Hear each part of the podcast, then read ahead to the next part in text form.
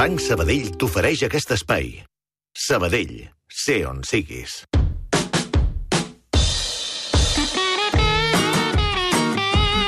I aquí tenim l'entre paraules, que avui és el preludi de l'espai que farem ara al Fem-ho Fàcil, uh, que avui va de...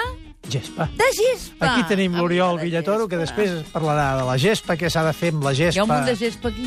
Sí, hi ha uns pans de gespa natural i artificial. Per això ho explicarà ell. Ja saps que jo faig de taloner, m'agrada molt fer de taloner. Uh, fixa't, quan nosaltres parlem de gespa, mm. si ho, ho comparem amb el castellà césped, mm, hi ha una certa semblança fonètica, i és que realment ve del llatí, els dos, eh? Ve del llatí, caespes, caespitis, un dona gespa, l'altre dona césped, però hi ha algunes altres paraules, ara jo en faré unes quantes, però n'hi ha una que m'interessa especialment, que és que eh, herba, que és una paraula llatina, herba, eh? però també en llatí es deia d'una altra manera, que és gramen.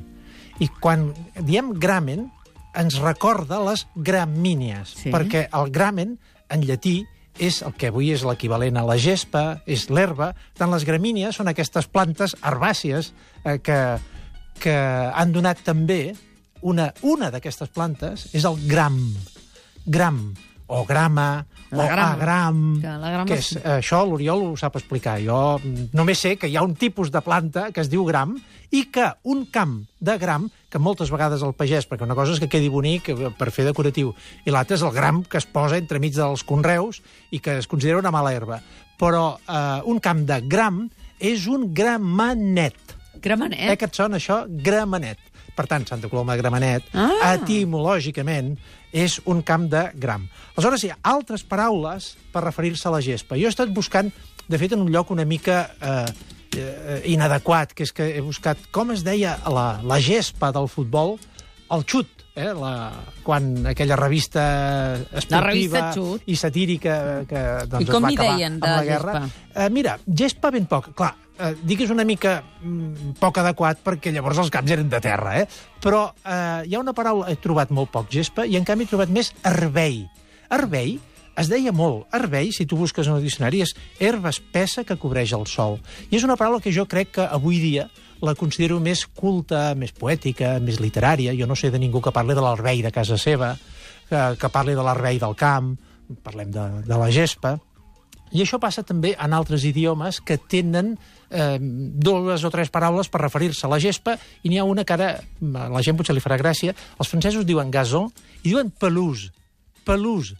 Alerta, si ara pugem a una planta o dues i preguntem als d'esports, escolteu, la pelouse què és? Ah, no. I ens diran que en els circuits de, de fórmula, els circuits de motorisme, hi ha unes zones inclinades, plenes d'herba, que no hi ha seient, sinó que és com l'entrada general, diguem, que en diuen la pelouse. Uh -huh. I eh, es fa servir aquesta paraula en francès, que és curiós perquè és un món on tot és en anglès. I després els anglesos, que tenen lawn, tenen turf, tenen grass. Gras. Gras. Jo crec que gras ho fan servir sobretot pels camps de futbol, és a dir, els camps d'esport. Lawn ho fan servir més eh, quan és Per les, decoratiu I per les esplanades. per les esplanades, els prats, el, sí. els parcs...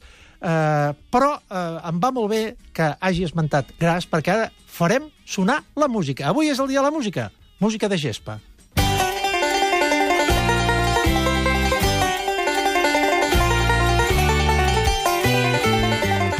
Bluegrass. Bluegrass. Aquest, eh, aquest estil de la música country americana Sí. té un subgènere que és el bluegrass, és eh, normalment amb, amb instruments de corda, violí, Sí. eh, la guitarra i molt especialment el banjo, amb aquest ritme així eh, molt propi de... Eh, molt ràpid, eh, que és per, per Han virtuosos. bugit la Sílvia Comet amb aquesta música, sí, eh? perquè...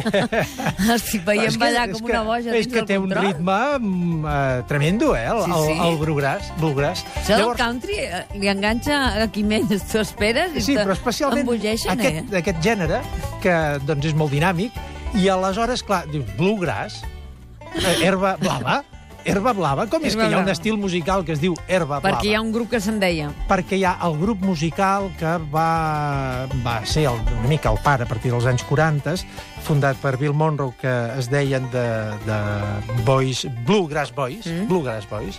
Eh, I per què es deien Bluegrass? Perquè venen del nord de Kentucky, on hi ha un tipus de planta que eh, és eh, una gramínia del gènere de les poes, que això és terreny eh, Villatoro, és a dir, no és el meu, però... Terreny Villatoro.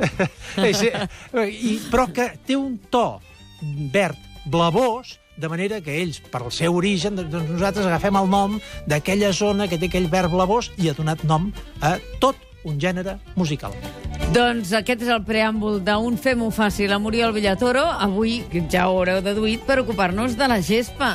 De la gespa. Per tant, consulta els 93 201 7474 per Oriol Villatoro. Fem-ho fàcil. Banc Sabadell t'ha ofert aquest espai. Sabadell, sé on siguis.